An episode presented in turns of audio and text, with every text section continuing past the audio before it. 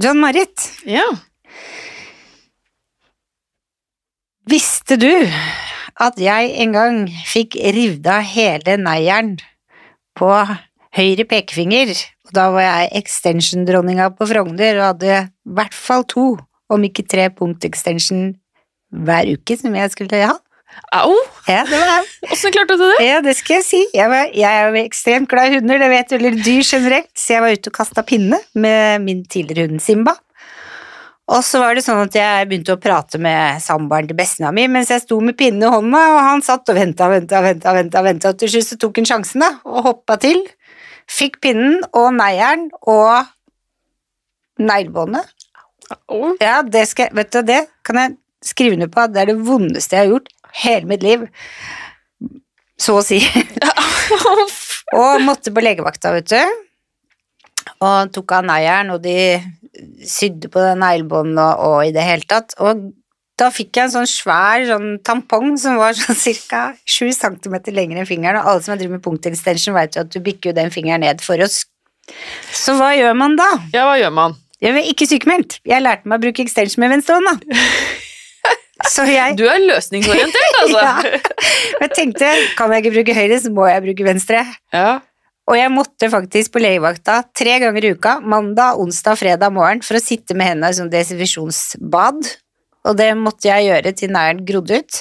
Hvor lang tid tok dette her? Ja, det tok, altså, det tok mange måneder. Altså veldig mange måneder. Ja.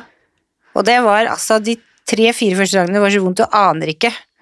Og så måtte jeg liksom dra den innimellom litt langt, altså jeg kunne vise fingeren to måneder etterpå til Simba og si 'Hva har du gjort med den?' og hundene husker, da ila han av gårde med haven mellom beina. Men hår ble på stell på Frogner likevel. ja, det er fantastisk å høre. Mhm.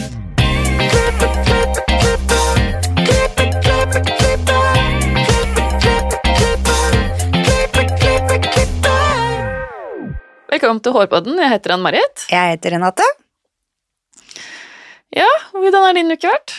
Min uke har vært bra, den. Altså, det er jo hår, hår, hår, da. Jeg føler at eh, som alltid, at når jeg legger ned en ball, så kommer det 14 nye baller som bare ramler Hårballer? ja, ja, det er det. Det er, det er frisørlivet, da. Ja, det er frisørlig. Så det trives med det. Din uke, da? Eh, Jeg står på farten til å reise til Molde. Det er litt altoppslukende i dag, kjenner jeg. Våkna opp med masse sommerfugler i magen. Jeg skal holde kurs i Molde. Du skal holde kurs i noe av det du er best på, vet jeg. Å, takk, du er snill. Sosiale medier. Mm. Ja, det blir eh, Ja, veldig spennende. Jeg føler meg veldig privilegert at jeg får lov å lære bort til andre, så at de kan utnytte den kanalen enda bedre. Så håper jeg de liker det jeg skal snakke om. Ja, hva er det ikke å like med det? De er privilegert som får deg på besøk. Å, takk. Ja. Vær så god. Men vi sitter jo ikke her aleine. Nei. Dagens gjest er en fargerik frisør med en vintage-look. Hun har jobbet mange år på Palais 3. Nå tar hun steget for å åpne sin helt egen salong i Trondheim. Velkommen til oss, Tine Haugen. Tusen takk. Takk for at jeg ble invitert. Så hyggelig at du kommer helt fra Trondheim og hit. Ja, ja, ja, ja. Det var godt å få et avbrekk, Ja, man for kan du, kalle det. du er midt i oppussing du nå. Å ja, det er som jeg sa i stad, jeg er midt imellom å grine i dusjen, klemme fremmede og poppe champagnen. Litt der det er akkurat nå. Det er så gøy. Mm. Kan ikke du starte helt fra starten? da? Hvorfor ble du frisør? Eh, å, helt ifra starten. Jeg vil jo si første gangen jeg var frisør, så var jeg vel ja, tett oppunder tre år og vaska håret til bestefaren min. Det er et veldig fint bilde av oss, hvor jeg står, han står med huet over balja, og jeg står og hjelper til. Han har mer hår enn meg, og jeg hadde ganske lite hår. um, men det har liksom Det har på en måte alltid vært sånn. Fra jeg var Mamma, mamma sin favoritthistorie da, da jeg var seks år, så sa jeg at jeg skulle bli verdensberømt stylist i Paris. Wow. Stylist er jo stylister som jobber med klær. Det har jeg jo lært i senere tid, men jeg mente jo da ikke sant, hår og makeup og full pakke. Mamma bare ja, kjør! eh, så hva som var påvirkninga der, det aner jeg ikke. For det var jo før eh, internettet og alt det andre kom og pusha på. Um, nei, så først flyvertinne, så togvertinne, så postdame, og så fra seks år så var det frisør. Og jeg er den som elska at frisøren min var forsinka. jeg kunne få sitte og se på. Og det er jeg fortsatt en dag i dag. Det er 30 år siden jeg var seks år. Og jeg kan sitte og se på kollegaer klippe til det blir tomorrow. Det er det beste jeg vet om. Fantastisk. Mm. Så det er ups and downs gjennom hele karrieren, og mye, mye bra og mye vanskelig. Men uh, mye lærerikt òg. Når du sitter og ser, jeg må bare spørre om det, studerer du det de gjør? Det du prater om? Sitter du liksom og lærer? Suger det til deg? Mm. Fantastisk. verste jeg vet, faktisk, det er, eh, det er en fun fact. Det verste jeg vet, er smalltalk. Ja. Men jeg elsker å prate fag, og jeg elsker på å høre kollegaer prate fag. Vi kan alle sammen snakke om hva vi har gjort i sommerferien 100 ganger. Og det, det er sånn Ja, det er fyll, men det er ikke der, det er ikke der hjertet ligger. Da, da går jeg på autopilot. Um, men jeg elsker å høre mine kollegaer prate om, om fag. Og jeg lærer jo noen ting bare jeg hører på sidemannen. Um, det er jo litt det derre Hva skal jeg si Den fascinasjonen, da. Litt sånn som dem som kan sitte og se på andre spille på YouTube, hvor vi som ikke interesserer oss, tenker Hvordan kan det være underholdende? Jo, men det er det. For jeg sitter ikke og dømmer deg for hva du gjør. Jeg sitter ikke og lurer på hvorfor du gjør det sånn. Jeg bare sitter og ser på hvor deilig det er når den saksa flytter på seg. det er så enkelt som det. Det høres fantastisk å høre på. Mm. Alltid vært sånn. Ja. Ja. Og da regner jeg med at du snakker mye fag òg? Ja, jeg gjør det. Og jo mer fag jeg kan snakke, jo bedre er det. Ja. Eh, den største grunnen til at jeg blir forsinka, er for at jeg går dypt inn i detaljforklaring. Men det vil jeg også si er største grunnen til at jeg har så stor kundebase. Og det er alt fra hårets oppbygging til produkter til hvordan du skal style håret hjemme. Ja, mye produktoppbygging, hvorfor man skal gjøre det på den og den måten. Alt ifra gratistips til produkttips. Noe så simpelt som hvor ofte vasker du børsten din? Ja. Eller eh, hvor ofte vasker du håret? Eller herregud, kan du ikke bare ta det litt opp på sida, da, når du skal ut på fredag? Ikke det er fint? Ja. Altså, små tips og triks, da. Og så elsker jeg å forklare steg for steg mens jeg klipper. Mm. Nå gjør jeg sånn fordi jeg skal bli sånn, og det er veldig mange som er sånn Ja, jeg stoler på det. Jo, men jeg liker å bekrefte valgene mine underveis. Det er litt som når jeg pakka til å skulle være med på Fashion Week, hvor jeg bare sånn Ok, leppestift, pensel, pinsett du, du, du. Jeg huska det, jeg huska det, jeg huska det. Og ja, jeg strøk da samtidig, men jeg trenger å si det høyt. Jeg trenger å bekrefte valgene mine. Det er smart, da. Mm. Fordi ofte, når, når du står og klipper sånn, klipper samme kumme, så kan man ofte komme i sånn autopilot. Mm, Så man klipper bare, og så Ja, hva skal jeg ha til middag i dag, sier du jo det, og skal jeg innom butikken, har han handla det han skal, og så Mm. Å, klippen igjen. Men du havner jo ikke der.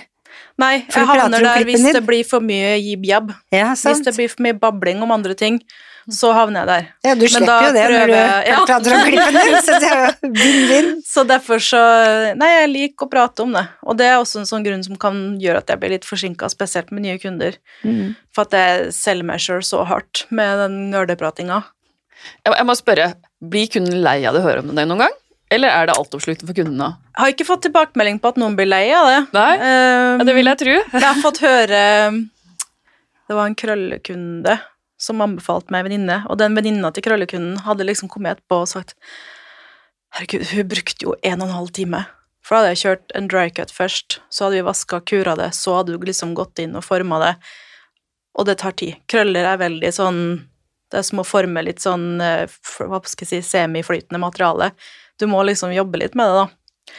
Og jeg mener at de som har krøller som kommer og klipper seg, de gir så mye tillit, for at det kan gå så innmari galt òg. Mhm. Eh, så de fortjener all oppmerksomhet og pleie og velvære, og produktinfo og alt der. Og, så hun var liksom, hun sa, når jeg fikk vite at hun hadde sagt det først, tenkte jeg åh, shit, nei. Nå, nå syns jeg jeg var for treg. Men hun sa det på en positiv måte. Hun bare sånn, jeg følte meg så sykt ivaretatt. Og hun kom med så mye tips. Så jeg bare, yes! Det er styrken din. Mm. Ja. Jeg må bare spørre, Ja. hvor ofte anbefaler du at man vasker børsen sin?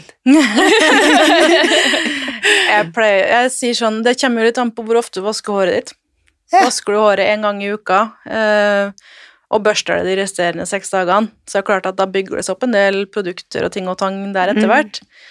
Eh, så jeg vil si, jo oftere du vasker håret, jo mer sjelden kan du vaske børsten. Så for sånne som meg som vasker det to ganger i uka, men som er glad i en god opprulling og, og litt eh, spray og stæsj, da, så prøver jeg å ta meg sammen og gjøre det jeg vil si to ganger i uka. Burde ha tatt fire, sikkert. Men eh, i hvert fall rense for hår og gi den en liten sånn kjapp desinfeksjon. Ja. For det er litt så gross. Ja. Når du tar fram børsen din, og så er den fullstappa hår, og så er den litt støv. ja. Og når du har neongult hår, så går det ikke an å skjule noe som nei, helst. nei, nei. Det, For det har du akkurat nå, Ja. for de som ikke ser det. Ja. så det, det vises når til og med bikkja får hår på seg, liksom. Så det vises hvor jeg har vært den. Så det, er en del av gamet. Men ehm, Nei, jeg elsker å børste hår, men jeg børster jo også håret mitt si på kvelden da, før jeg ruller det opp for å sove med rullene til dagen etterpå. Sover du med ruller? ja. Så gøy! Det, Ja. det er faktisk bare sett på film. ja, nei, Men det typen må min er sammen prøves. med en 90-åring. Men det Ja. Er det vondt? å sove med ruller? Nei, for det, det er en vanesak. Ja. Første gangen jeg gjorde det, det var mens jeg bodde en periode i London. Uh, og da begynte jeg å plukke ut rullene midt på natta, for at jeg bare fiksa det ikke. Og så var det sånn Jo, vi prøver igjen. Mm. Og det var sånne sleeping rollers, så du har sånne, sånne med skumgummi inni. Men så har jeg jo blitt mer og mer herda, så nå bruker jeg jo dem som vi har i salongen, som er sånn hardplast. Jaha. Så jeg har litt begge deler, da. Men du får ikke vondt i hodet? Nei, overraskende lite, egentlig. Det skal litt til. Jeg kjenner jo så klart når jeg tar det ut på morgenen at det har sittet litt fast. Eh, Men det er verdt det, for på morgenen så tar det meg fem minutter å bli klar på Mm. håret. Mm. Ja, Det tar kult, liksom lengre tid å lufte hunder og finne ut hva jeg skal ha på meg enn det tar å ordne meg sjøl. Du er jo smashing på året, så det er jo Ja. Det der skal jeg ta og prøve sjøl. Ja, men det er Jeg skal spørre deg neste episode. Du kan spørre så fort. Nei, jeg går eh, på morgenen så går jeg tur i nabolaget med Og det her kan veldig mange naboer bekrefte. og Jeg bor i Midtbyen i Trondheim, midt i sentrum, så jeg møter jo også på kundene mine på morgenen. Jeg har to nydelige Yorkshire terriere som er ganske feisty på morgenen, så dem eh, må jo ut. Mhm. Um, Leopardbukse, helst en i flis eller en annen som er enda mer slamsete. Uh, og Nike Air. Hvis det regner, så er det også støvler, det er enda mer hot. Uh, og så gjerne en pelsjakke eller boblejakke, begge to rosa. og så opprulla hår med skaut rundt. Mm. Og en kaffekopp. Og er- to hunder i andre hånda. Det er hundeeiere, da. Ja, hundeeiere represent. Vet du hva, de dyra skal ut, så verden får bare se det de ser. Jeg tenker at på morgenen så er alle så opptatt av hvor de skal. Eh, den eneste som har gjort litt sånn narr av meg to my face når jeg har gått tur sånn på morgenen, det var Anne B. Ragde. så Og hun, jeg har sett hun når hun går tur med hundene om morgenen, er Hun er ganske fresh from the bed, hun òg. Mm. Kjenner eh, meg igjen i det der. Har du alltid Ja. vært så fargerik? Nei. Nei, nei, nei. Eh, Jeg er født med rødt hår. Ginger. Melaninutfordret, som de kan kalle det. Um, så jeg, vil, jeg var så lei av å være hun med rødt hår i klassa. Jeg var hun eneste med rødt hår, og det er ikke artig å skille seg ut i den perioden der. Mm. Uh, så det første jeg gjorde når jeg kom inn i en salong og fikk lov å farge håret mitt, var å bli mørkhåra. Så jeg var mørkhåra i årevis. Skikkelig tomboy, og tok lang tid før jeg liksom fikk første toppen med litt kløft og turte å ha på meg løsvipper. Ja. Det høres rart ut nå, men det var liksom capsen bak fram og snekkerbukse og hang med gutta og var så vidt jeg tok på meg maskara. I hvert fall ikke noe leppestift. Ja, nå ble jeg nysgjerrig. Hva var det som gjorde at det bare Nei, nå gikk jeg fra svart til colorful. Det, nei, jeg kom jo inn i en fantastisk verden da, som heter øh, frisørverden. Så det skulle noen frisørfester til, og litt pågående sjefer, til å bare Ei, skjerp deg. Nå må, nå må kløfta fram. Skal på byen og liksom herje rundt, så kan ikke gå rundt i T-skjorte og seggebukse. Jeg var, jeg var jo Lillehammer-gangster, så jeg ville jo bare Yes. Um, og så syns jeg jo Fikk jo mer og mer fascinasjon for pinups, da. Jeg syns jo 50-tallet Jeg er jo født i feil tiår. Når det kommer til kvinneholdninger og alt der, så kan vi jo sånn diskutere det i forhold til 50-tall, men stilmessig og liksom atmosfære og etikette, alt det her, så, så har det alltid fascinert meg, men mer og mer litt sånn Jeg vil si starten av 20-årene, da. Hvor du kan minne litt om Silvia. Takk. Ja. Jeg har um, har liksom hatt et stilikon som heter Betty Page. Hun var jo en av verdens største pinuper. Og hun hadde jo den ikoniske pinup-luggen, og den hadde jo jeg i ti år. Helt til jeg fant ut at det må kunne gå an å tørre å forandre seg litt òg. Men det å spare ut den, og samtidig beholde en viss stil, det var ikke enkelt, altså. Jeg, jeg må spørre, det Ja. gjelder deg òg. Vet dere eh, hva som gjør Eller hvorfor man er ginger? Hva, hva som utgjør, eller hva man på måte kanskje mangler? Nei. Jeg har nemlig, nemlig akkurat vært på Color Me Higher. Der hadde vi jo en ginger. Ja. Eh, de som har gingerhår, de mangler fargekornet blått. ja. Så det er det som gjør at det blir ginger. Ja. Vi har jo hatt tidenes dårligste sommer i Trøndelag òg, så jeg fikk jo nesten ikke noen av sommerfregnene mine, så jeg føler meg jo kjempesnytt i år. Ja. Men eh, ja, Men ginger er jo så Det er jo veldig fint, da. Det er jo veldig fint. Fregner, fin farge på håret. jeg elsker meg på alle andre, og i min fantasi så skal jeg være det igjen en gang, men det starta med kollegaer som ville farge meg litt sånn pastellrosa i 2016, og så bare ramla jeg helt utpå med det rosa, og så ble det litt mer, litt mer, litt mer. Og så skulle jeg være hårmodell en gang, og da ville de farge det gult, men det ble ikke lyst nok, så da ble det rosa igjen. Men den slapp liksom aldri taket. Og så tok det et par år, og så bare ei, shit au, vi prøver. Det er kjempefint på deg. Ja. Kontraster til leppestiften din og eyelineren og Ja, det er, jeg tror det er grønnfargen i det gule som Ja. gjør at det funker. For at det varmgule, det tror ikke jeg ville ha slått like mye an, men Nei. så lenge det er neon, så ja. Det har jeg aldri i mitt liv fått så mye kommentarer av fremmede. Ja, det er jo det dødsfin farge. Ja. Ja. Nei, jeg elsker den sjøl òg, mm. Mm. så jeg trives godt. Man må tåle å vises, da. Mm. Men det kom til et punkt hvor jeg slutta å være sjenert og tilbakeholden. Man må bare, hvis man vil ting, så må man bare tørre å bjuda på. Mhm. Mm. Enig. Møte sin største frykt. Mm. Mm. Og det, det er rart hvordan den pushes lenger og lenger for hver ting du tør å gjøre, da. Det er jo Er du bevisst på det? Ja, det er fortsatt litt sånn at eh, jeg kan synes det er ekkelt å rekke opp hånda i en forsamling. Men jeg har stått og undervist i ti år. Ja, ikke sant?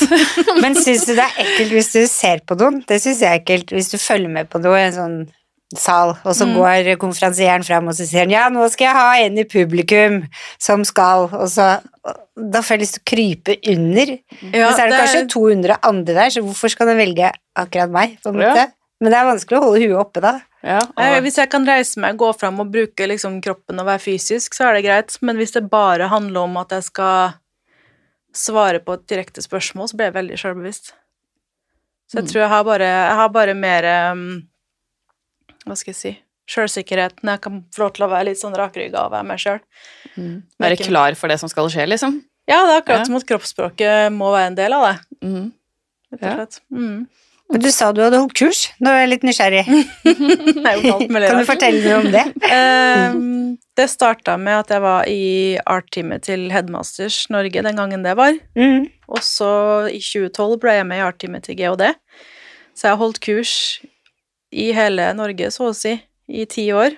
Helt til jeg slutta i GHD nå nylig, og så har jeg nettopp blitt frilanser i Goldwell. Elsker undervisning, jeg elsker å prate med andre frisører, jeg elsker å ha det artig på kurs. Og um, det å ha modeller, også stå uten å jobbe med det speilet, slik at du kan bare få stå og nerde i fred og prate med andre nerder og dele litt erfaringer og ja, være sammen med andre i en kurssammensetning sånn, det syns jeg er veldig, veldig fint. Er det dumt av meg da å spørre om når du holder kurs for Golver, er det Goldver du har valgt som leverandør? I salongen, ja. Ja, Mm. selvfølgelig, vi må jo det. Jeg har jo jobba med, med Revlon siden 2014, og jeg elsker Revlon. Det er en av de beste fargene jeg har jobba med. Men så er det jo litt sånn, skal du undervise noen ting, så er det klart at da må en jo litt stå litt inne for det. Så, så jeg har jo valgt å ha dem inne i salongen, ja. For at jeg vil jo være Skal jeg først gjøre det, så skal jeg være the best. For hvis ikke jeg tar feil, så er det Angelo Seminara som er liksom art director global. Mm. Wow. Det er gøy å jobbe med Ja, det er jo um, Hva skal en si? Jeg har liksom alltid sagt at hvis jeg skal undervise med noe annet enn styling, hvis det er styling, så er det på en måte Da er det GHD. Mens er det noe annet, så skal det være farge. Så det har liksom vært litt sånn frem og tilbake, og så til slutt så må man bare gå fram og si 'Jeg kunne tenkt meg å ha gjort det. Er det plass til meg?' Så du har fått plass, du, da, på farvetime. Ja, en av frilanserne, ja. Mm. Så gøy! Gratulerer. Takk. Herlighet, det er stort, da. Så jeg er litt sånn, jeg starta opp, uh, flippa liksom livet litt rundt. Uh, sa opp i GOD og sa opp på Palais innenfor en sånn måneds tid. Og så bare Det vil virkelig ut av komfortsonen. Ja, men det høres kanskje litt søkt ut, men noen ganger så sier kroppen så gjør det ifra at nå, Mm. nå er det litt nok. Nå, nå trenger du noe mer. Nå begynner vi å gå liksom inn i en sånn Autopilot. Ja, litt sånn komfortsone. Det, I GHD, for eksempel, så jeg har jeg vært der i så mange år at dem jeg har jobba med, har jo én etter én gått videre. Mhm. Og til slutt så det er litt sånn Kanskje noen andre skal få plass nå, som syns det her er nytt og spennende, som ikke kan det så innmari Hva skal jeg si På på det tekniske, og som Ja, som litt nysgjerrig. Ehm, og samme med Palais òg, kanskje Kanskje tida er inne for å bli litt redd igjen. For at det har vært to år med å kjempe for tilværelsen etter en pandemi, og jeg er, unnskyld uttrykket, dritlei av å kjempe for tilværelsen. Jeg vil heller kose meg med valget jeg har tatt om å være selvstendig. Leve av livet. Ja, fader heller, vi må gå videre. Det går ikke an å dvele for mye med det. Renteøkning og inflasjon og god name it. Det for bare, man må bare følge strømmen. Men vi kan liksom ikke leve i fortida. Det er jo sånn historisk sett, da, så går det jo opp og ned. Men Mm. ofte så er det jo de tidene som det er litt skummelt. Det er da man burde starte, mm. faktisk. Og så tenker jeg sånn Jeg har Det det. vært, ehm, jeg har vært med på finanskrisa. Den syns jeg Og oljekrise. Jeg syns jo egentlig de var hakket tøffere. Mm. Det, var, det føltes mye nærmere ut. Um, vi har vært gjennom en pandemi og kommet ut av det. Ja, det må jobbe vettet av det, men som regnskapsføreren min sier, du har i hvert fall hendene dine. Ja. Så så lenge du tar vare på kroppen din og tar vare på hendene dine, så kan du jobbe. Og folk eh, Folk går langt, altså, før de begynner å kutte på utseendet sitt. Mm. Om de kanskje sparer inn litt på en annen type sjampo eller en litt mer low maintenance farge. Frisøren er liksom en av de siste tingene folk kutter ut, føler jeg, da. Mm. De har jo forska på det. Og Mm. det er jo frisøren og ølbransjen som går i Ja. dårlige tider. Ja. Det er det man ikke kutter. Mm. Det er bra for oss. Ja, og jeg Vi kan skåle det- og være fin på året. Ja, sant. Nei, men altså, det er litt det derre med at ja, kanskje vi må omprioritere litt og sånne ting, men Og det er klart at ja, innimellom når jeg leser de artiklene som bare er laga som clickbait, så kjenner jeg at det bare puncher meg i magen. Og så tenker jeg sånn Det her går fint. Mm. Og hvis du finner ut at du vil ta et valg om at det her, vet du, nå er det her for mye, eller det her er ikke interessant, det her er ikke morsomt lenger, så, så går det an å gå videre.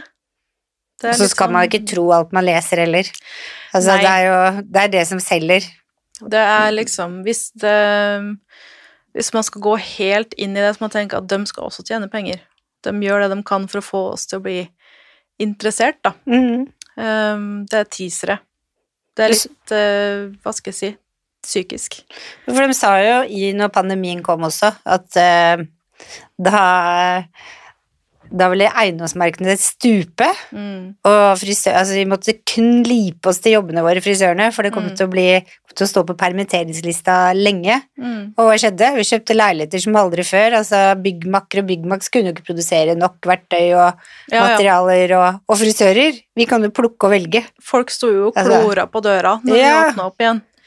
Og jeg hadde jo kunder som sendte støttemeldinger. De handla gavekort de ikke trengte. Ikke Mhm. sant? Folk når når det kriser skjer, så kommer det jo veldig mye solidaritet og kjærlighet til hverandre fram, for han tenker denne plassen vil jeg jo skal overleve. Mm, ja. Støtt høre lokalbutikken din. Og, Jo, men altså, man må til syvende og sist velge å ha litt trua. Og prøve å ha Jeg hater uttrykket is i magen og krysse fingrene, men det er faktisk det du må gjøre innimellom. Du må bare puste med magen og tenke at det, sola går opp i morgen det her Ja. kommer til å løse seg. det er bra. Jeg pleier å tenke jeg lever på en rosa sky. Jeg bare lukker øya, det går Ja, fint. ja, og det kommer fra noen som i senest i går hyperventilerte og grein for at det ble, det ble fullstendig for mye med en liten detalj som pikka det over. Og så gikk det Det er noen ganger at du må bare ha good cry, og så starter du på nytt igjen. Mm. Det er som eh, bestekompisen min sa Hvis du ikke kommer ut gjennom øya dine, så skjer det noe annet. Du skal være glad, skal være glad for at du bare kan få det ut der, og ikke bare står i Prinsenkryss og får hjerteinfarkt. Det prøver vi å unngå.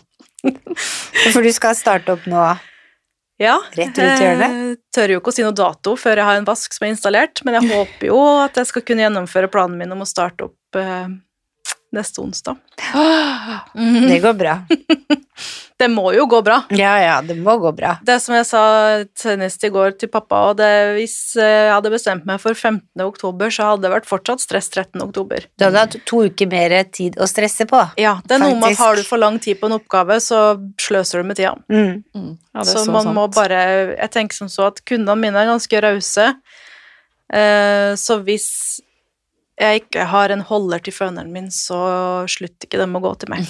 Nei. De kommer for hendene mine og skravlementet og hårvasken, så så lenge vasken er installert, så skal alt annet kunne løse seg. Mm. Så jeg. sant. Så det er kun den jeg venter på nå. Men du kommer jo fra Palais 3, som er stolutleie. Mm. Hva er konseptet ditt nå? Konseptet mitt nå, det er um, Hvis du ser for deg litt sånn uh, Hva skal jeg si Bestemors stue. Se for deg å komme inn i en sånn liten uh, nisjeplass. Det kunne nesten ha vært en sånn bestemor sin stue med en hårvask. uh, jeg vil at uh, det her er mitt, sånn, det her er mitt scenario. Um, jeg vil at du skal komme inn og lukte vafler og se masse deilige farger og mønster. Se ting som, som minner deg om en litt annen tid, da. Før, før telefoner, eller før smarttelefoner, før internett, før konstant press om å hele tida være oppdatert og aktiv status og everything, hvor du bare kan slippe litt og leve i en litt sånn boble, da. Eh, så jeg har ikke noe salongtelefon. Jeg har ikke noe uh, drop-in. Det vil ikke være noe Akkurat de stort spørsmålene jeg skulle stille. ja. Så sånn sett så er det ganske likt for Kristine og meg, da. At vi begge to kjører den derre Vi vil være midt i, men samtidig litt inkognito. Og det er rett og slett for at jeg vil Misforstå meg rett, for jeg skal selge produkter, men jeg vil ikke stå i butikk. Jeg vil stå i mitt lille atelier og jobbe med kunsten min og ta godt vare på kundene mine. Jeg vil ha velvære, kos, omsorg, humor, eh, produktkunnskap og bare trivsel. En god atmosfære er det jeg vil ha. Og dit fikk jeg lyst til å gå. Ja, ja, Ja, jeg håper jo at det er det jeg skal klare å selge inn. Da. Jeg er ikke redd for at det ikke skal gå rundt. Jeg er ikke redd for at, folk skal, at jeg skal tape på å ikke ha drop-in, f.eks. Jeg er redd for at jeg ikke skal klare å gi folk den følelsen som jeg har inni meg. Det Det er det jeg ikke du eneste skal jeg er være redd for. Nei, men det er, en sånn, det er bare frykten som presser meg til å bli Ja. bedre. Hadde ikke den vært der, så hadde jo ikke det hadde ikke vært noe som har pressa meg. Blir det da en sånn bok med mandag, tirsdag, onsdag, torsdag? Jeg var på nippet, men så tenkte jeg jeg har en del nettbooking, så det eneste som på en måte må vedlikeholde, det er online-booking. Ja. For jeg syns du, du, du må være litt digital, da. Så nettsida mi representerer også salongen. Det er de samme fargene, det er, samme, måte, det er jo logoen, det er samme på en måte, Den skal gi samme følelsen, hvis du kan gi det gjennom en nettside. Um, og du skal kunne booke time på nett, fordi at det er der de fleste av mine nye kunder kommer fra. Det er Instagram og nettbooking. Um, og det tar jo også bort tida som jeg ville ha brukt på å stå med telefonen og svare. Men nå er jo kundene mine vent på det å sende mail eller sende SMS, Mm. og alle har fått beskjed om at haster det, så ringer du og legger en beskjed, eller sender en melding om hva det gjelder, og ser at det er akutt, så, så ringer jeg opp igjen med en gang. Men istedenfor å måtte gå ifra og kjøre en kvarters konsultasjon over telefonen for at noen ikke vet helt hva de har lyst til å gjøre, mens kunden din sitter med halvbløtt hår, ikke Ja. sant. Jeg har ikke lyst til det der noe mer. Jeg har lyst til å bare få stå i fred og jobbe. Det føler jeg er et privilegium etter 18 år i bransjen. Mm. Skal du ha leie ut stol til andre? Skal du ansette? Skal du være for deg selv? Eh, til å begynne med så skal jeg være sjøl. Mm. Uh, jeg har sagt at jeg skal um, bo meg inn litt sjøl først. Finne deg sjøl inn ditt Finne meg sjøl litt inne i. Um, jeg kommer til å ha en stol som er tilgjengelig for utleie, om det vil være noen som kommer i forbindelse med en begrensa periode, eller om det er mer på fast basis. Det får jeg ta litt som det kommer, men jeg belaga meg på at det her skal gå fint med bare meg, Mm. og kommer det noen andre, så er det en bonus. Og jeg har jo fått høre at med all den, eh, all den kunnskapen og alt det jeg har vært med og gjort, så burde jeg hatt en lærling. Um, så det kan, kan være at jeg bestemmer meg for det på sikt, men sånn som jeg ser for meg at jeg skal få lov å jobbe så fritt som jeg vil, så har jeg ikke lyst til å forplikte meg til å ta noen andre sin utdanning under mine vinger helt enda. Men det kan Så, skje. Ja, og så på en måte så ønsker jeg meg også en gammel ringrev. Jeg ønsker meg en sånn skikkelig sånn, ja, en gammel ringrev som kan stå ved siden av, og som jeg kan nesten lære litt av sjøl òg. Ja, ja, Det høres ut som du trenger det òg. At Ja. det du ser andre jobbe. Mm. Ja, For hvis Så- du skal ha en lærling, så da vil jo den med å stå for deg sjøl og ikke bli forstyrra, den, Den den, blir borte. ja det det er den. akkurat det. Mm. Så, så den er litt sånn Jeg skjønner Hva skal jeg si Jeg er enig, men uenig, for at det går ikke i stil med konseptet mitt, da. Nei. Um, nei, så det er liksom mest det derre å få, få være litt i fred. Ja. Mm. Da har jeg jo lært bort nok. Ja, akkurat for the time Akkurat being. nå. Ja. Ja. Men det var en gang i tida jeg sa at jeg skal aldri ha egen salong. Så man kan Jeg har lært meg at man skal, man skal Aldri si aldri si aldri, Nei. man kan Så snu. sant. Ja. Mm. Så det er litt sånn at eh, det kommer til et punkt hvor du kjenner på det at nå Det er bare en naturlig del å gå videre. Det er ikke alltid at det er så veldig dramatisk, det er bare at nå trenger jeg noe annet, og så sier magefølelsen ja, det skal du. Ja. Og da må man bare go for it. Noen ganger så må man bare være Askeladden, og så bare tusle rundt og snuble over en ting eller to. Se Ja. hva man vil ha. Og så må du tåle andre sine reaksjoner på valgene du tar, fordi Mm. at de kommer over det. Mm. Det er alltid ubehagelig å gi noen den beskjeden. Og jeg skal love at jeg gikk med en klump i magen mens jeg planla det her i all hemmelighet før jeg fortalte til Kristine òg. Fordi at eh, vi er gode venninner og kollegaer. Vi har jobba sammen siden 2014. Um, og vi har vært veldig mye sånn gjennom ting sammen på det private planet òg. Og jeg vil jo at hun skal lykkes. Og jeg føler jo at hun har lykkes ganske mye nå, som vi starta jo med tre-fire stykk, og nå er vi jo oppe i tolv, altså. Og da er det lykkes. Så da, jeg føler ikke at jeg lar hun i stikken, men det er klart at jeg følte at jeg gikk jo holdt ting skjult for at jeg ville ha noen ting konkret å si. Ehm, så den, den fikk hjertet til å banke litt fortere. Den var litt sånn Det føles ut som at man slår opp, og så Ja. sier man etterpå Men jeg vil fortsatt være venner. Ja. Men hun har vært veldig kul og støttende, og det er klart at uh, senest forrige uke så spurte jeg igjen, jeg har spurt om mange ganger, når er det sluttet? Fortsatt 30. september. Det blir en sorgens dag!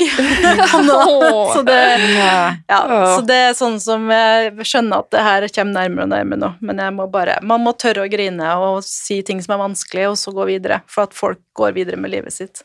Mm. Det er bare sånn det er. Mm. Vi skal, Det er meninga at vi skal det. Ja, og så er vi fem minutter unna hverandre.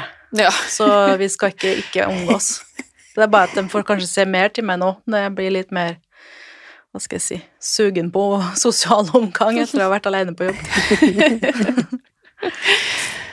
Men eh, navnet på salongen, Mm. hvor kommer det fra? Eh, det kommer ifra bestemor, som het Marie. Eh, det var jo i Vi har alltid vært veldig nære. Hun var liksom bestemora som dura nedover fra Gausdal til Fåberg på moped for å være barnevakt. Som eh, levde ånda for familien.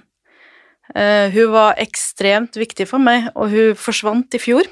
Mista i februar i fjor. Um, og jeg har alltid hva skal jeg si, alltid tenkt at hvis jeg skal ha barn, og det kommer en datter, så skal jeg hete Marie. Livet ble litt annerledes, og etter livmorhalskreft så kan jeg ikke få barn.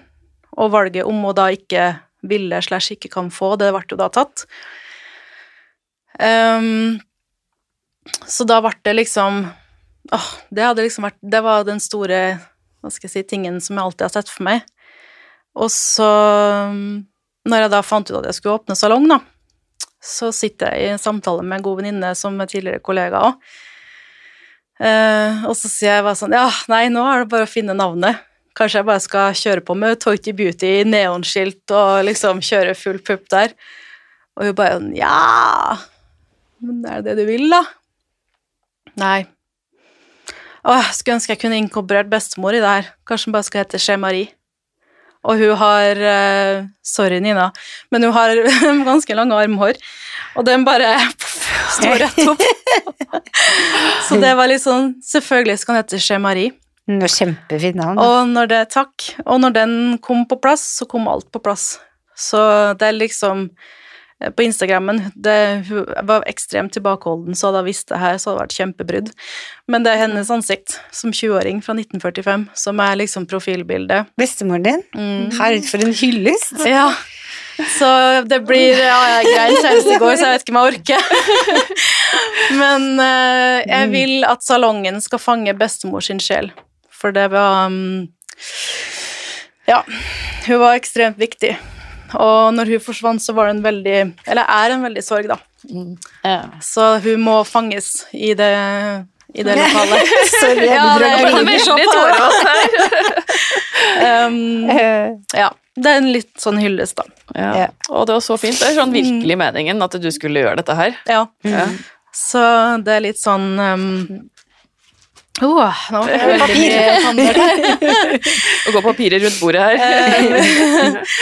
Ja, det er bare, tårer er bare stress som må ut. Mm. Men um, Nei, så på disken når du kommer inn, så, så står det bildet som jeg da bruker på Instagram. Det er jo et bilde som hun sjøl ga til bestefaren min i julegave. Så på, det står i en ramme som han har laga, så står det 'Til Tor fra Marie God jul 1945'. Herlighet. Og det skal du ha på disken din. Mm. Det var uh... Så, det, ja, det, så det, jeg skjønner at det her blir veldig, sånn, det blir veldig nært og veldig sterkt, og det var også grunnen til at jeg sto og grein den dagen jeg tok over, for jeg bare shit. Det her er stort. Så det her ble jo liksom babyen min, da. Jeg ville ikke ha barn, men hvis jeg skulle ha barn, så skulle det bli. Men så ble valget tatt fra meg, så ble det en stor ting.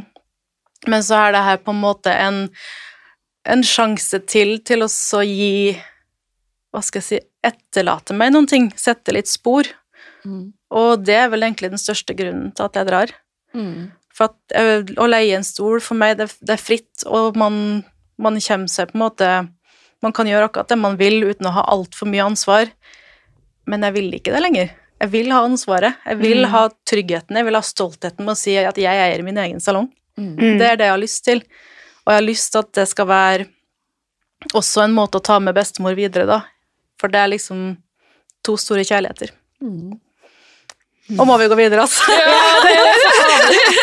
Åh, my eyeliner! Da kan vi hoppe på Nå har du en morsom historie fra din karriere som du vil dele.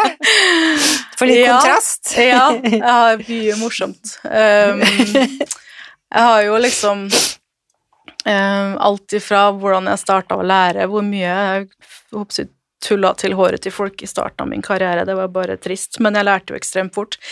Men jeg har kommet fram til at uh, Jeg vet ikke om historien er så morsom, men uh, den er litt sånn um, hva skal jeg si, For meg så er det det, det verste og det fineste som har skjedd meg i min karriere, da. Eh, Det var i 2016 så tok jeg makeuputdannelse i London, og via den så fikk jeg muligheten til å bli med og assistere på Fashion Week. Og det var et stort, stort, stort mål for meg. Det var sånn innen fem år så skal jeg på Fashion Week, og jeg rakk det med sånn halvårs nødmargin.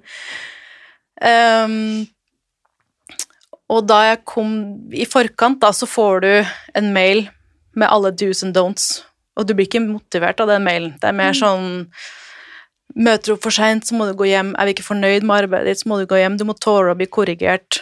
Hvis, ikke, hvis du er, altså er du i veien, så blir du sendt hjem, da, basically. Så det føles litt ut som å være med på Robinson-ekspedisjonen og bli stemt hjem fra øya. Å, sorry, du kan ikke spikke. Nei, vi har ikke bruk for deg. um, men uh, nei, så, så ble det sånn varm i trøya, og det gikk ganske fint. Jeg følte at mm, ja, dette er Toiti, good for you. I dag tidlig sto du og var klar til å spy, men nå er du her, og du har ikke dødd ennå, så it's good, it's cool. Uh, og så har vi en, ja, en stor lineup hvor vi skal pudre panna til de modellene. Og på Fashion Week så er jo den øverste på rangstigen av designeren. Og under han igjen så kommer liksom key artists og alt der, og så kommer assistenter under der igjen. Så vi skal bare holde oss ut av veien, men være tilgjengelige når de trenger hjelp. Så jeg fikk beskjed om å pudre modellen da, som sto foran meg, og med skjelvende hender, for det var veldig, plutselig begynte å bli veldig ekte alt sammen. Så tar jeg litt pudder og tepper i panna, og så klarer jeg jo selvfølgelig, for at idioten som jeg er, så har jeg ikke kompakt pudder, jeg har jo løspudder. så jeg klarer å søle på en kjole som jeg ikke vet hva koster, men det var sånn one of a kind lagd for den, ikke sant, runway, ja. Og og modellen, modellene her er alltid fra de er, Noen er rett og slett rusa, og noen er veldig nervøse, men veldig, alle sammen er veldig fokuserte på seg sjøl og sitt, da. Og modellen sier bare sånn You spilled on the dress. You spilled what? I you spilled. You ja. spilled on the dress. Jeg bare sånn Å! ja, det er sant. Å ja, I fix it, I fix it. Full av sjøltillit. Og inni meg så bare Jeg dør, jeg dør, jeg dør. Faen, faen, faen. Unnskyld uttrykket. Uh, fikk til å koste bort pudderet. Uh, kom jeg ut av veien, og så hører jeg plutselig noen som roper The designer is coming, the designer is coming. Og alle sammen bare bom, opp mot veggen. Og der sto jeg med hendene bak meg, og det er ikke noe å holde fast i på en vegg, men jeg holdt meg fast så mye man kan gjøre. Og, tenkte, og jeg var så kvalm. Og jeg tenkte når den kjolen kommer nå, så har jeg ødelagt alt. Og hun kommer til å kjefte sånn på meg, for hun, var ganske, hun er ganske streng, hun assisterte. Så jeg bare Yes, da takk for meg. Da har jeg tre dager til i London hvor jeg ikke skal ha noen ting. yes. Og så går jeg forbi, nesten så jeg ikke tør å se på kjolen, men jeg kan ikke se noen ting. Men det her er en, hun er en artist hvor hun, hun ser det om du har At der har du brukt litt for mye på brynet. Så jeg bare Hvordan? Jeg var så vidt borti. Hun ser absolutt alt. Kommer inn på rommet igjen etterpå, og jeg begynner å pakke sammen og tenker sånn Nå kommer det. Nå kommer det. Og så ser jeg på meg og så bare Ja, ta, takk for i dag. Så jeg bare Ja, ja takk for i dag. Har du hatt det fint, eller? Eh, ja, ja, kjempespennende. Mm, superfint. Nei, men uh, ses vel i morgen? Du skal vel være med på et par av våres da? Så jeg bare mm, mm, Ja, stemmer det. Nei, men supert. Hjem og hvil deg, og så ses vi i morgen. Så jeg bare, ja. Og så gikk jeg. Jeg gikk som om jeg har stjålet ei tyggegummipakke på kiosken og venta på at Securitas skal komme bak meg. Så jeg var sånn Just keep going, just keep going. Og så kom jeg ut, så bare Å, fy faen. Ja, ok, men vi overlevde den nå. Det er i dag, i morgen en ny dag. Det reddeste jeg har vært etter å ha søla på noen ting. For hun dama her, altså, hun kan ikke beskrives, hun er nådeløs. Rett og slett nådeløs. er, det, er det sånn det er å være på Fashion Week? Ja, folk kaster børster på hverandre, folk griner, de skumper inni hverandre. Det er sant. Ja, men jeg skal love deg mestringsfølelsen med å liksom passe inn i det kaoset der. Mm. Den, da tenkte jeg sånn Bring the bridezilla sånn. Det er, det er meg ingenting nå i forhold. Nei. Eh, Jeg rakk tre sesonger og to runder på Salon International hvor hun spurte om jeg kunne bli med. Det var ikke via, via, via, det var faktisk Kan du bli med? Ja, jeg flyr fra Norge. Kjem nå. Ja. Så jeg er så stolt av at jeg sto i det og turte å bli litt sånn kvalm og redd. Og, Fy ja. Mestringsfølelse på et nytt nivå. ja, og for å ikke snakke om hvilke skills jeg har fått etterpå, hvor mye flinkere jeg har blitt etterpå, og for ikke si bare det å ta imot direkte kritikk. Mm. Mm. Eh, så det, å man lærer seg mye om å jobbe under press. Så jeg fikk jo Jeg har gjort ting som jeg alltid kommer til å huske. Ja. Men det var da. Men det, du er helt ferdig med det nå, liksom? For per dags dato, ja. Aldri si aldri. Nå, nei, Nei. Det, jeg har lært meg det. Så nei, men nå, nå, nå er det skjemari og litt sånn fargeutdanning som er framtida akkurat nå. For du skal utdanne deg mer innen farge? Ja, det er jo litt sånn i Goldwell-prosessen så er det veldig mye internopplæring. Ja. Og det syns jeg er kjempeartig. Det er jo fargekurs som er det største kosen. Farge og makeup. Mm.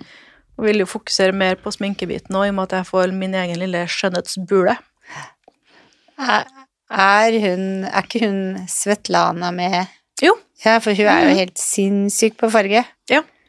Det stemmer. Vi skal være sammen på en fellestrening i februar, er det vel? Så det, det gleder jeg meg til. Jeg har bare vært ved og aldri fysisk snakka sammen og hilst ordentlig. For jeg så de hadde en visning, det var ikke nå på årets frisør, og så har det vært to år med pandemi, Ja. men gangen før der, Ja. den var bra. Den var Mhm. skikkelig bra. Det er veldig dyktig gjeng, og Mats òg er jo en Vi er jo gamle GOD-kollegaer. Um, og han har tatt meg veldig varmt imot og er veldig opptatt av at jeg skal Altså, det Sjøl om man har jobba med farge og fargesirkel og teori er relativt det samme, det er stor forskjell fra merke til merke og teknikker og Ja, i det hele tatt. Men hvordan kommer du inn i varmen? Liksom, hvordan kommer du inn i den sirkelen hvor du får lov til å holde kurs for Goldwell? Hva må man Um, gjøre da? Nei, jeg tok en Jeg har jo vært jobba med Orbay. Orbay er jo en del av KAO. Mm. Så det starta egentlig med interessen for Orbay Education, da. Der òg var jeg jo ganske sånn snevert nåløye. Så man må jo bare liksom opp med brystet og tenke at ja, men her har jo jeg noen ting å gjøre. Så jeg spurte jo, ikke bare rett til kilden og spurte trenger dere folk. Uh, og da sa de at det, vi trenger ikke noen på det teamet. Uh, men jeg har jo jobba med Orbay ganske lenge, så jeg har jo god kunnskap, så jeg har ikke lyst til å liksom slippe det helt. Men vi trenger fargefrilansere i Goldwell, og da vil du jo også komme inn i salonger som har Orbay. Så da kan det jo være at du kan, de kan dra nytte ut av hva du kan om Altså det må, må kunne gå an å, å samarbeide litt mellom brands, da. Mm. Og da bare Ja, Det er det fantastisk, kan da. jeg tenke meg. Mm. Ja. For jeg vil jo Jeg er litt sånn at eh, jeg prøver å leve etter én leveregel, og det er at hvis det ikke gir meg noen ting, så skal jeg ikke gjøre det. Nei. Hvis jeg skal ofre det å jobbe innenfor education Det er mye planlegging, reising, mye logistikk. Så hvis det ikke gir meg noen ting, så skal jeg ikke gjøre det.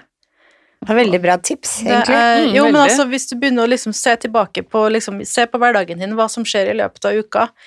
Hva er det som gir deg noen ting? Hva er det som på en måte tar energi, hva er det som gir energi? Mm. Det, det fins ikke perfekte uker, men man kan liksom Man kan styre sin egen hverdag uavhengig av om man er ansatt eller selvstendig. Du velger jo hvilke venner, aktiviteter, Mm. whatever, og hvilke oppgaver du tar på deg, da. Jeg må si hva som gir meg noe. Det må jeg bare si i dag. Nå er jeg spent. Ja, Ja, nå er jeg spent også. det, er, det er faktisk ikke fag, men jeg har en valp på fem Å, måneder. jeg er så hundesjuk. Og så har jeg klart å lure han opp i senga, for Ja. samboeren min vil egentlig ha han i sånn hundegrind. Ja, ja. Men nå er han helt for å ha han i senga. Men han, vi får kose med han, så legger han seg i fotenden. Ja, Og jeg vil ha en hund som ligger som kringler rundt hodet. Ja. Og nå så har han begynt å liksom oppsøke meg på natta, så når jeg våkna i dag da jeg var på natta og jeg måtte tisse, så lå han bak meg, ja. og så snudde jeg meg, og du, da kryp hun inni meg og la Ja. hodet på brystet. Å, det er så fint. Og det gjorde at jeg droppa treningen på morgenen og må trene Jeg har gjort akkurat det samme. For jeg ville bare ha den timen hvor jeg bare lå og koste med lille Carl. Mm. Jeg merker det, dyrene Ja. søker veldig nærhet nå, etter at jeg har vært så mye opptatt. Er det Og sant? de merker at selv om du er til stede, så er du ikke til stede. Nei. Ja, det er Eh, det. Så de er veldig på å krype opp til meg nå. Jeg har jo to Yorkies som er jo litt mindre i størrelsen og veldig forskjellig personlighet. Veldig lekne, og den andre er liksom De er veldig sånn av og på om hverandre. Mm. Um, men jeg òg kjenner veldig på den de vil nesten spune, liksom. Ja, men det er bare sånn, ja, men da ligger vi sånn. Det Ja. er greit, det. Men det er terapi på fire bein. Ja, det pelsen til Varg jeg grein i når bestemor døde. Mm. Det er liksom De, de merker så gærent når ting er vanskelig, da. mm. Mm. Ja, de gjør det. Så de er terapi, ja. Terapihund. Enten de vil eller ikke. Ja, men de er det. Ja. det. Hva, tror- hva tror du skal til for å rekruttere friere inn i bransjen vår? Jeg tror jo veldig på informasjonsspredning. Mm. Og jeg syns jo at det innimellom kan være litt for mye fokus på belastningsskader og, og utfordringer rundt det, og litt for lite fokus på Bare se på alt vi kan gjøre. Mm. Altså, det fins så mye mer enn ni til fem i salongen på drop-in-skjema. Mm. Du kan kjøre innenfor education, du kan jobbe innenfor mote, du kan blande de to. Mm. Du kan jobbe med innenfor media. Eh, Du kan være ansatt i et firma som en ren sosiale medier-ansatt òg, ikke sant? Du Mm. må ikke stå og klippe hår, men det er et veldig bredt yrke. Mm. Eh, og vi er et av de få yrkene som på en måte Jeg føler ikke at det dør ut.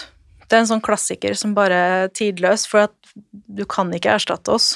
Vi kan ikke bli digitalisert på samme måten, selv om du kan ha all verdens med how to-videos og TikTok-klipper. Vi kommer alltid til å ha noen ting å gjøre.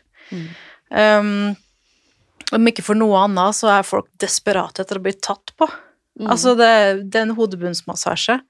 Det er liksom Det kan være terapi, altså. Mm.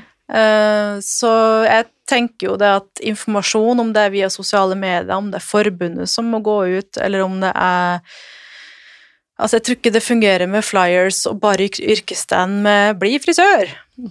Men altså, vi må uppe statusen vår, så vi må ta betalt når folk ikke møter opp. Vi må være konsekvente i i de pengene vi tar inn. Vi skal ikke drive og justere prislista for at vi føler at vi ikke kan ta så mye betalt. Vi må, må liksom, vi må bli den stolte matadoren i vårt eget fag, Mm. og så må vi si, komme ut med liksom Det her er et så allsidig yrke. Det er en yrke som i mitt hjerte har så høy status, men for så mange har så lav status. Og vi kan på en måte ikke Vi kan, må bare klare å endre det sjøl, hvis andre skal komme inn. For det er Vi står ikke bare og klipper hår og prater chit-chat og selger en sjampo i ny og ne, og så klakker vi hjemover, og så er det litt vondt i skuldra, så vi er sjukmeldt to tredjedeler av året. Det, det er ikke sånn vi funker. Det er så mye kollegial kjærlighet og sammenkomster og yrkesglede og kreativitet. Kundene. Gjøre kundene fine. Det å få folk til å føle seg bra hver dag, Hvem er det de ringer hvis de skal på fest? det er jo Før ferie, etter ferie? Glam squad. Ja. Det er jo for at du gir en følelse. Mm. Mm. Og den, det å få liksom Mm. den tilbakemeldinga fra kundene, eller prøve liksom å ikke tenke kundene, det er jo mer gjestene, de skal jo inn i mitt hjem i, i Skjemari. Eh, men det også gi dem den, den sjølsikkerheten og gi dem sjølfølelsen litt tilbake, da. Mm. Det, det er til deg de kommer før jobbintervju, før førerkortfoto, før altså everything. Og når det er problemer. Når de har sjelesorg. Alt. Har Eller gode nyheter. nyheter. Ja. Du deler jo livene til folk, da. Mm. Det er en veldig sånn særegen ting, og, og vi er stort sett the bearer of good news. Mm. Det er liksom, vi deler jo livene til folk, men vi er den som får dem til å føle seg bedre, da. Ja, vi er veldig heldige som har, har det, denne posisjonen og dette yrket. Vi er det, så jeg tenker at uh, svaret er informasjon. Ja. Få det ut, snak- framsnakk faget ditt, og knus litt de mytene om at det bare er samme tralten som går, og at det er skader og lavtlønna. Det er Ja, du starter en plass. Du starter under utdanning, Mm. og er du god, det vil si, er du god, skal du bli god, så må du repetere. Det første foliestripene jeg la, det er den beste reklamasjonen jeg har hatt i min karriere, for at dæven som jeg F-a det til. Men takk Gud så kom hun tilbake og sa nei, det her, det her funker jo ikke. Så jeg bare nei, det gjør det ikke. Og så så jeg på sjefen, hva gjør jeg nå? Hun bare sånn, du gjør det her. Ok. Og etter det så har ikke jeg gjort den feilen igjen. Det er sant. Og det er jeg, så, jeg er så glad for det. Og i Mm. dag så har jeg nesten sikkert 80% stripekunder og gjør tusen forskjellige teknikker og har så mye sjøltillit i stripe på en måte kunnskapen min, da. Mm. Men man starter jo ikke der. Mm. Det er liksom Man starter jo ikke på topp. Du, du må starte en plass, og du kan jobbe deg opp, du kan tjene mer, du kan få andre lønnsordninger.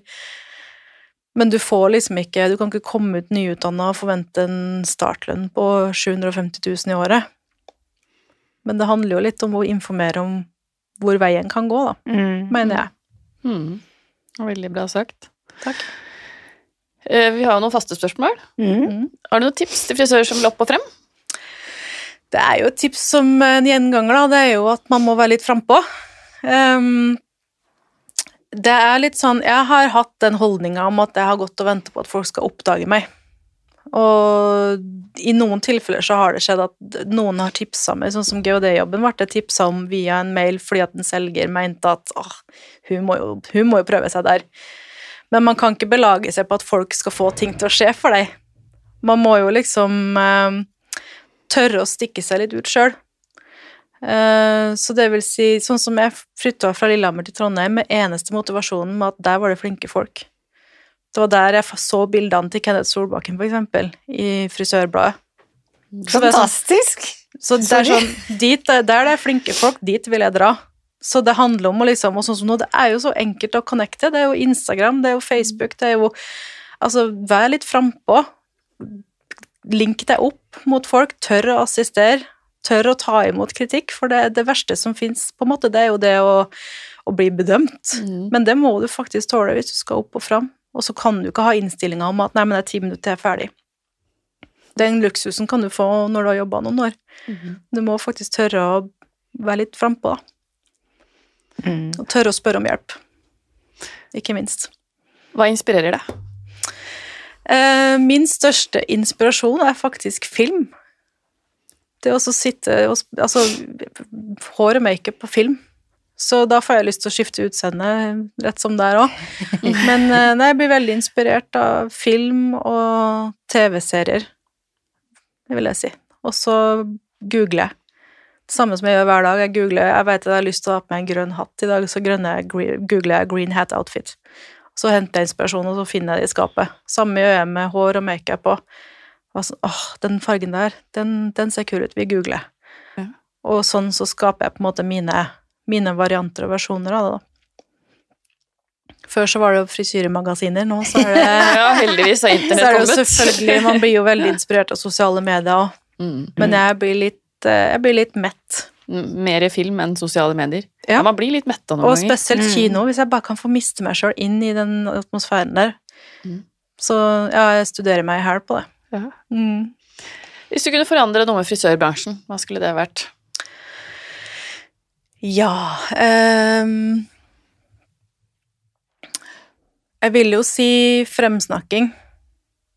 Jeg syns vi, vi kan bli flinkere til å fremsnakke hverandre. Vi kan bli flinkere til å ønske hverandre vel. Og det blir bedre og bedre. Men uh, vi er fortsatt en dame Vi er en kvinnedominert bransje, og vi er glad i bakromslarv. Eh, Så jeg syns vi, kan- vi kan bli litt flinkere til å motivere og inspirere hverandre, og liksom snakke litt mer om hva vi ønsker å få ut av den hverdagen som vi har. Og ikke bare at det skal være en sånn årlig medarbeidersamtale med ja, her er tallene dine, her er målene våre, hva kan du bli bedre på? Og heller begynne å snu om på det og tenke hva, sånn som Vi har mange sjefer, men vi har få ledere, syns jeg, da. Det er en yeah. brannfakkel. Mm. Um, en god leder skal ønske å bygge teamet sitt, den skal få teamet sitt til å bli samla. Så teambuilding og framsnakking, det å bygge hverandre opp, og det å faktisk stille spørsmålet Åssen har du det i dag? Altså, hva uka her? Hva er målet ditt? Og ikke bare de tallene. De tallene er det som får det til å gå rundt. I know, men Men eh, det som har motivert meg mest når jeg har jobba under noen andre, det er når jeg har fått spørsmålet 'Hva har du lyst til framover?' Å, jeg har lyst til å konkurrere. Det er der å tallene dine ligger. Yes. Det er Jo, men det er det, for at frisør, kundene mine ser en frisør som er glad på jobb, Mm. og det er for at sånn, Ok, hva ønsker du? Jo, jeg tror jeg kunne tenkt meg det. Ok, vi lager et tankekart. Hva om vi starter der? Mm. Og så blir det en sånn Å, hun bryr seg. Mm. Eller han bryr seg. Og det må ikke være en leder som sier det. Det kan være en kollega som bare sier Ja, men herregud, det kan jo du gjøre. Du kan jo, du kan jo gå den veien. Du liker jo det. Og så bare Ja, du har kanskje rett. Ja. Altså, vi, vi må liksom prøve å være litt flinke til å spørre hverandre om behov, og ikke bare kundene. Mm. Det føler jeg er en sånn endring vi kunne ha fått til. Det hadde også vært med å heve statusen vår, mener jeg, da. Da føler du deg ikke som et tall for lederen din. Nei, for jeg syns ofte at det blir mye budsjett og konkurranser, og lite mennesker og, og litt sånn oppbygging, da. Og skal du ha en person til å jobbe for deg i x antall år, så gjelder det å holde dem motivert. Mm. Og samme vice versa, hvis du skal ha noen til å lede en salong, så er det litt fint å få den i retur òg.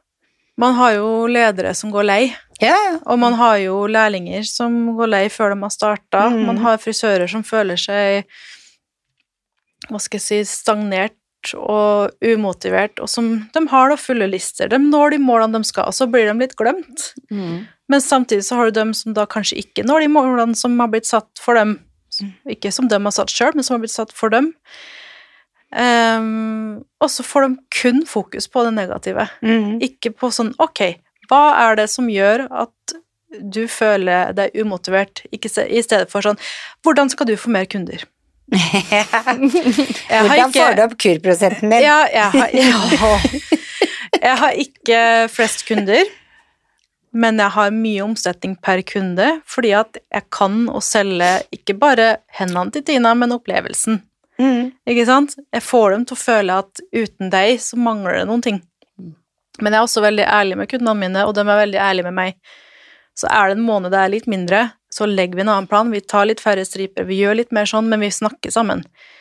Og det handler liksom om å, å lytte til hverandres behov og ønsker. Det er jo samme som, som dem som sitter i stolen. Mm. Og jeg syns jo det var artig å spørre mine tidligere sjefer òg, liksom sånn hva, hva er planen din framover? Hvorfor begynte du her? Og så merker jeg at de blir nesten litt sånn satt ut av at de blir spurt om det, for at de vil nesten ikke dele hemmelighetene sine. Ja. Og hvis vi ikke deler felles drømmer og ambisjoner, altså hva er det igjen da? Ja, det er så sant. Solodans. Ja, Ja. det er jo litt sånn, det er jo, det er jo litt det jeg gjør nå, at jeg prøver å jeg går solo for å prøve å finne min vei videre. Men du følger drømmene dine. Ja. Det er forskjellen. um, I januar så er det um, er det fem år siden jeg ble operert, og da får jeg jo, da er siste kontrollen min, da får jeg jo friskmeldinga mi, mest sannsynlig.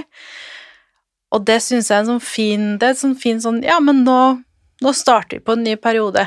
Nå har vi vært igjennom fem år med kreftrehabilitering, vært igjennom samlivsbrudd, pandemi, eh, tap og sorg på privaten. Nå må ting snu litt, altså. Nå er det din tur igjen. Nå, ja, fader, ass. Nå må man liksom lukke det kapitlet. Nå er det sesongstart. Nå er altså, fader heller. New cast. New, new, Mm. new director. Ja. Hvor finner vi deg på sosiale medier? Du finner meg på Instagram og på Facebook. Jeg prøver meg på TikTok, men jeg har ikke tålmodigheten til å bli teknisk engasjert, som en vakker dag. Eh, Det er litt sånn, Jeg føler at det digitale kan suge opp litt eh, energi, så jeg prøver å holde meg til eh, Snap og Facebook og Instagram, men mest på Instagram. Mm. Så da er det jo på salongen min så er det jo Salon Chez Marie. Eh, og på min private, som jeg deler litt sånn hulter til bulter med både hår og hund og fjas, eh, så er det Toiti Beauty. Det er Toiti, det er vennenavnet mitt, og så tenkte jeg at Toiti Beauty. Mm. Så det blir sånn barnslig. fint. Barnslig fin konto. Tusen, tusen takk til deg, Tina, for at du, Du, ville komme selv. og dele historien din med oss. Nothing like a good cry on a Tuesday morning. Nei da, man må Livet er liksom ikke bare instafilter og sommerfugler. Man må være litt ekte òg. Mm. Så sant. Men det er da det er spennende, da. Det er jo det. Ja, for nå skal du opp, og det skjer jeg- masse morsomme ting. Det er jo det som er gøy. Ja, det er jo det. Og man må være litt sårbar innimellom. Mm. Men jeg setter veldig pris på å bli invitert. Og følg gjerne oss på sosiale medier, og gi oss gjerne stjerne på iTunes. Da blir vi veldig glade. Og så høres vi neste uke. Ha det bra.